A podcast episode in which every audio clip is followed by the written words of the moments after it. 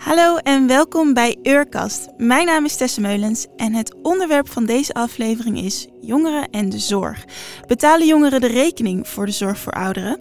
En als we kijken naar deze coronapandemie, ontstaat er niet juist bij jongeren nu veel meer gezondheidsschade nu ze wellicht minder zorg krijgen? Ik praat hierover met Dr. Pieter Baks, Associate Professor aan de Erasmus School of Health Policy and Management. Hij geeft les aan studenten over gezondheidseconomie en de verouderende bevolking en doet zelf ook onderzoek. Nou, hallo Pieter, welkom. Hallo, dankjewel. Hallo, nou voordat we de diepte in, uh, ingaan heb ik een persoonlijke vraag. Ja. Wat is jouw guilty pleasure in deze coronapandemie? Nou, ik mis eigenlijk vooral mijn guilty pleasures van voor de coronapandemie. Dus toen ik nog gewoon elke dag op de campus was, uh, liep ik vaak smiddags even naar de Spar voor een, uh, voor een snackie voor een blikje cola. En dat, dat kan nu niet meer. De Spar is ook dicht, heb ik net gezien. Ja. Ehm, en bij mij in de buurt kan dat natuurlijk ook prima, maar dat doe ik eigenlijk niet zoveel. Maar wat ik wel doe is, um, ik, uh, omdat ik de hele dag alleen thuis zit, praat ik veel meer hardop tegen mezelf. Dus dat Oh ja. is eigenlijk al een Ja. soort guilty pleasure geworden. En Mhm. ik heb, en dat, is- dat is ook wel leuk, dat kon hiervoor niet, ik heb af en toe een oppashond. Oh, wat leuk! Ja, dus ik ga af en toe, uh, heb ik een oppashond en dan kan ik daar uh, 's smiddags even in de pauze mee frisbeeën. En dat is ook wel uh, een positief iets van, Oh, leuk. van deze periode. Een oppassend wat voor hond is het? Het is een uh, flatcoat, een, uh, een zwarte. Leuk hoor. Ja. Nou, goed. Oké, nou ehm, gaan we over naar het onderwerp van vandaag. Ehm, de zorgkosten. Nou, als je kijkt naar Nederland, dan zie je dat Nederland aan het vergrijzen is. Eh, dat wil zeggen dat er steeds meer ouderen eh, in Nederland komen en er minder jongeren zijn. Door deze vergrijzing zien we al langer dat de zorgkosten over het algemeen aan het stijgen zijn. Eh, dat zal ongetwijfeld ook zo zijn met de coronacrisis. Waarom wordt deze zorg steeds duurder? Worden wij zieker, de behandelingen duurder of hebben mensen gewoon meer zorg nodig? Ja, dus je hebt gelijk, de, de zorgkosten stijgen eigenlijk altijd al. Dat is al decennia lang zo. En de, de vergrijzing speelt daarin best wel, best wel een rol. Uh, dus meer Ja. oudere mensen betekent meer mensen met gezondheidsproblemen. Uh, want die, die komen nou eenmaal met de jaren. En um, ja, mensen met gezondheidsproblemen, die hebben, die hebben zorg nodig. Um, maar dat is inderdaad ook niet het enige. Want je zag ook voordat die vergrijzing echt, um, echt, echt een uh, grote rol begon te spelen, ook toen stegen de zorgkosten al. En dat, kan, dat komt voor een deel ook omdat we meer geld hebben. Dus we kunnen meer uitgeven aan gezondheidszorg. En er kan ook steeds meer. Dus er zijn steeds meer, um, er zijn steeds meer dingen mogelijk. Bijvoorbeeld bij de behandeling van kanker, maar ook bijvoorbeeld bij de behandeling uh, als je een hartaanval hebt. Als je dat vergelijkt met 20 of 30 jaar geleden.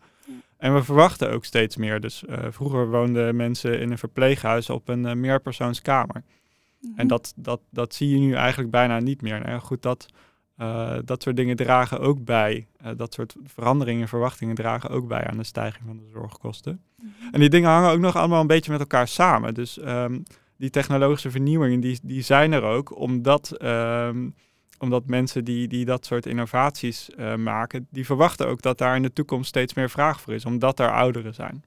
Ja. Dus op die manier, op die manier grijpt dat ook bij elkaar, uh, met elkaar in. Oké, okay. en weet je ook wat de cijfers zijn? Ja, dus bijvoorbeeld een, een, het ligt er een beetje aan hoe je de gezondheidszorg definieert, maar we geven in Nederland ongeveer tussen de 80 en de 100 miljard euro per jaar uit aan de gezondheidszorg. Zo. Dus dat is iets meer of iets minder dan uh, 5000 euro per persoon. Oké. Okay. En ja. Dat, ja, dat is dus inderdaad, zoals je zei, niet voor iedereen hetzelfde. Jongeren um, geven gemiddeld uh, een stuk minder uit dan die 5000 euro. De meeste mensen halen zelfs de 1000 niet.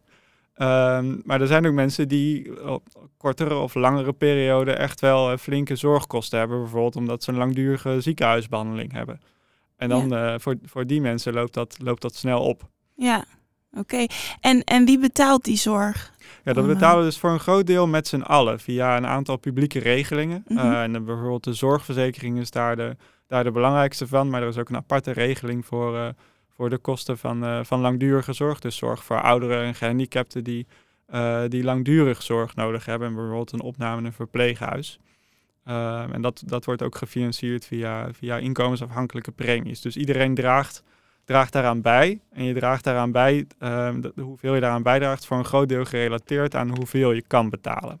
Okay. En daarnaast, daarnaast betalen mensen ook nog vaak een heel klein beetje zelf. Dus je hebt bijvoorbeeld, um, als, je, uh, als je naar het ziekenhuis gaat of op de spoedeisende hulp belandt, heb je ook nog een kleine eigen bijdrage die je zelf betaalt. Klopt, ja.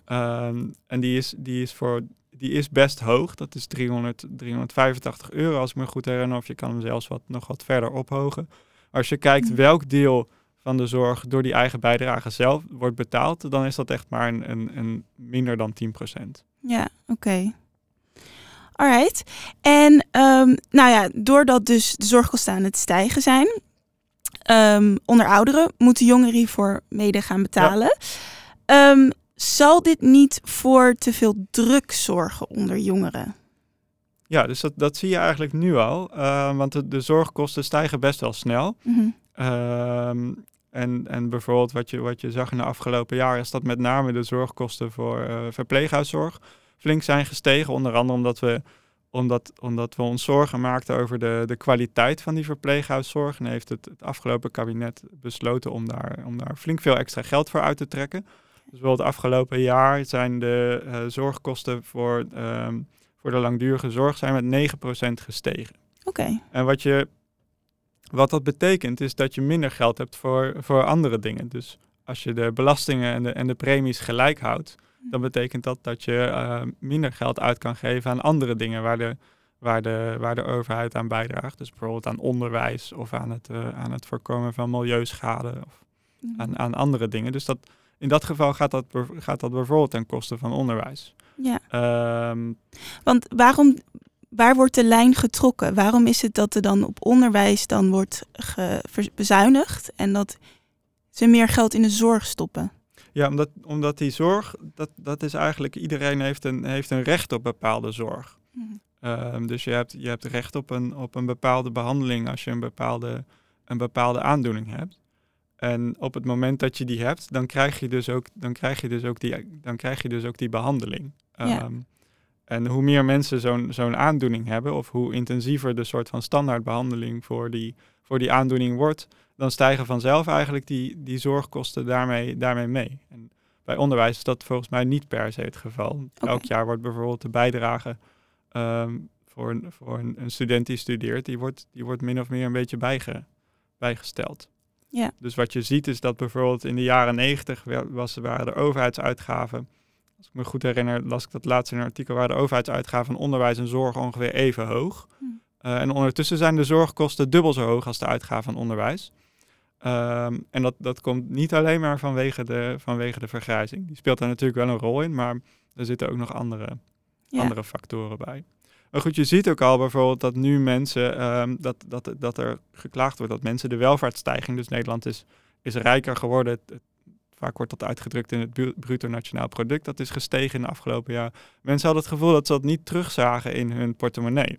Of in hoeveel ze konden uitgeven. Ja. Ja, en voor een deel komt dat omdat een deel van die welvaartsstijging die is naar die stijgende zorgkosten gegaan. Dus dat zie je niet per se terug in hoeveel je zelf kan uitgeven, maar wel in hoeveel er kan worden uitgegeven en wordt uitgegeven aan de gezondheidszorg. Mm-hmm.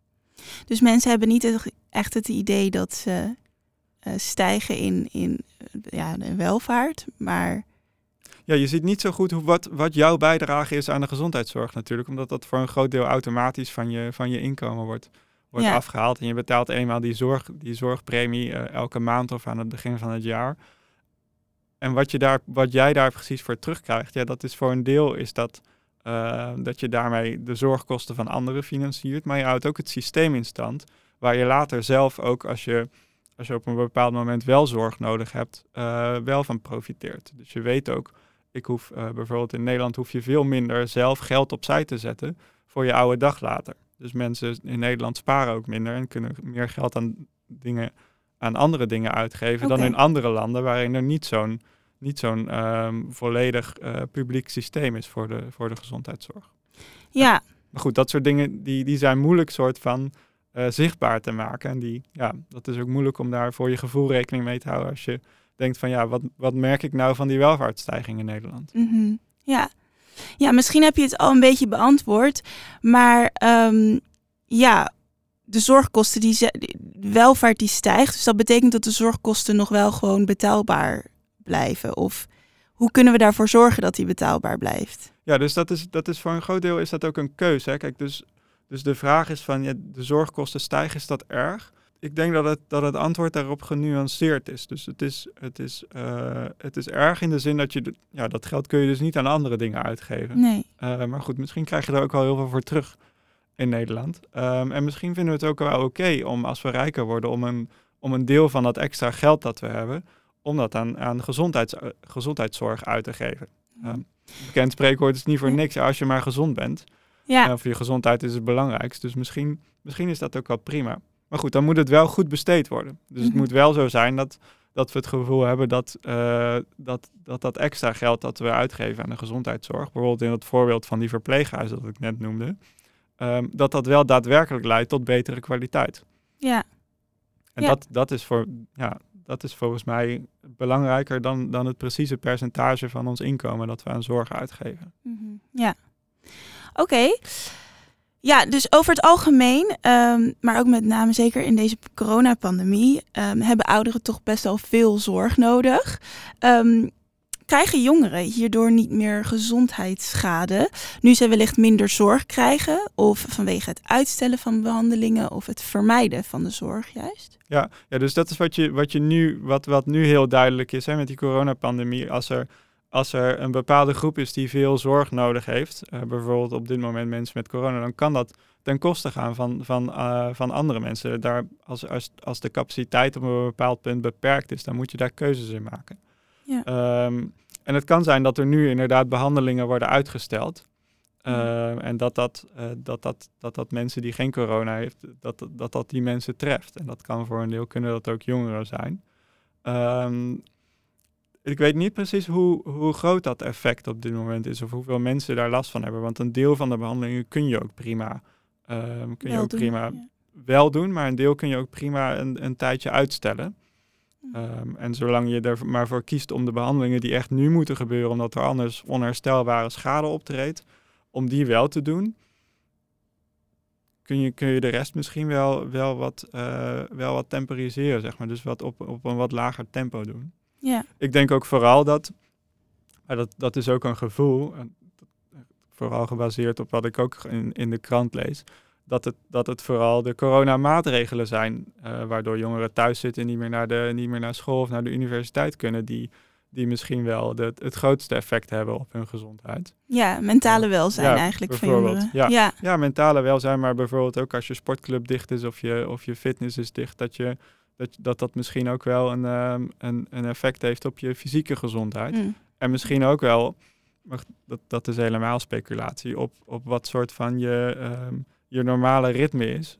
En misschien kom, ja, ben benieuwd of, of, of iedereen weer soort van daar weer uitkomt op het moment dat dat, eh, dat soort dingen wel weer kunnen. Ja, je doet zelf ook onderzoek. Ehm, je onderzoek gaat over het financieren en het organiseren van de zorg. Kan je hier wat meer over vertellen? Ja, dus we, we, doen, een, we, doen een aantal, eh, we doen een aantal onderzoeken. En eentje gaat bijvoorbeeld over, ja, stel dat die zorgkosten toch in de komende 20 jaar nog flink stijgen. Wat zijn dan soort van de oplossingsrichtingen? Hoe kunnen we daarmee omgaan? En eigenlijk blijkt daar bijvoorbeeld uit, ja, er, zijn, er zijn drie manieren waarop je dat op zou kunnen lossen. Dus je kan het eh, collectief blijven financieren, zoals we nu doen. Dus dan, dan gaan de premies en de belastingen waarmee we die zorgkosten financieren, die gaan omhoog. Eh, of je kan het meer afwentelen op mensen zelf. Dus je kan bijvoorbeeld ehm, mensen, ehm, mensen om een grotere eigen bijdrage vragen. Of sommige, zorg, sommige typen zorg helemaal niet meer vergoeden. Dus dat mensen dat helemaal zelf moeten betalen. Dus dan, dan in plaats van dat iedereen daaraan bijdraagt, laat je de gebruiker op het moment dat hij die zorg gebruikt daaraan bijdragen. Dat is de tweede Mhm. optie. En de derde optie, en dat, dat, dat geldt vooral bij, ehm, bij, bij, bij zorg en ondersteuning die nodig is om, om mensen te helpen met, met, ehm, met soort van dagelijkse activiteiten die ze vanwege beperking niet meer zelf kunnen doen. Dus de thuiszorg en ondersteuning. Eh, daarvoor kun je er ook voor kiezen om dat niet meer te laten, ja, dat niet meer te laten doen door een professional die je, die je met z'n allen financiert, maar door eh, daar een grotere rol te geven voor eh, familieleden en voor vrienden. Dat heet dan mantelzorg. Aha, ja. Dus dat, eigenlijk zijn dat, zijn dat drie, drie hoofdopties. Mhm. Ehm, en daar, daar kun je wel in alle drie de gevallen iets slims op verzinnen om ervoor te zorgen dat de negatieve effecten van die opties niet zo groot zijn op die mensen. Dus op de gebruikers zelf of op de, de mensen die die premie moeten betalen of op die mantelzorgers die daar tijd in stoppen en daar misschien ook wel, ehm, ja, dat, dat is ook wel, dat kan ook wel een aanslag zijn als je die man op, op je gezondheid, maar ook op je, op je tijdsbesteding als je mantelzorger bent. Ja, klopt.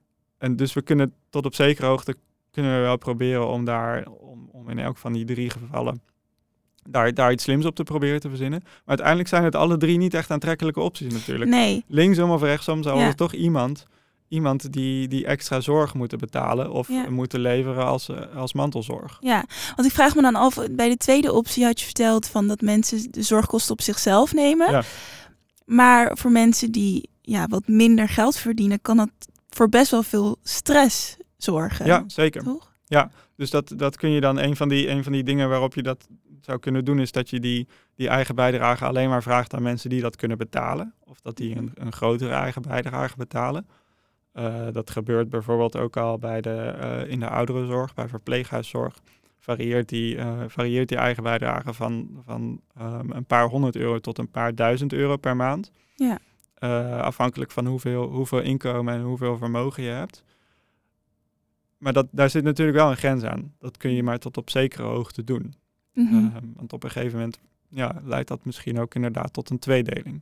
ja, Dus Ja. dat, is, dat is ook wat ik net zei. Van, ja, tot op zekere hoogte kunnen we daar iets aan doen. Maar uiteindelijk, uiteindelijk moet iemand dat betalen. ja, En het, uiteindelijk ehm, levert dat dus ook een, een last op voor iemand. ja, ja, precies. Oké, ja, ik wilde toch nog heel eventjes terugkomen over eh, op eh, jongeren en de zorg en Ja. betalen van de zorgkosten. Ehm, jongeren hoeven niet ongerust te worden. Of hebben zij niet dat zij zoiets hebben van, oh nee, het, de, zorg stijgen, kost, de zorgkosten stijgen. Ehm, nu moet ik echt, eh, nu, straks kan ik dat niet gaan betalen. Nu ben ik. eh, Nee, dat denk ik niet. Ik denk, denk zolang, je dit, zolang dit systeem in, in stand wordt gehouden, zal dat, zal dat systeem er in de toekomst ook voor jongeren zijn op het moment dat zij dat nodig hebben. Maar dat, goed, dat kan ook over twee jaar al zijn, want er zijn ook jongeren die opeens, een, eh, ja, die opeens ziek worden of iets, of iets anders hebben, waardoor ze heel veel zorg nodig hebben. ja, Ehm, dus, in, dus in die zin is het niet alleen maar, eh, is het niet alleen maar jongeren die bijdragen aan de zorg voor ouderen. Het is eigenlijk eh, gezonde mensen die bijdragen aan de, de zorg voor mensen die die zorg wel nodig hebben vanwege een gezondheidsprobleem. ja. Alleen hangen die twee dingen natuurlijk heel erg samen, want er zijn al eenmaal meer ouderen dan jongeren met een gezondheidsprobleem. En Mhm. er zijn meer gezonde jongeren. Ja, ja. Oké, nou goed Pieter, ik denk dat het het was. Eh, heel erg bedankt voor het, eh, dit gesprek. En voor de Urkast luisteraars, tot de volgende keer.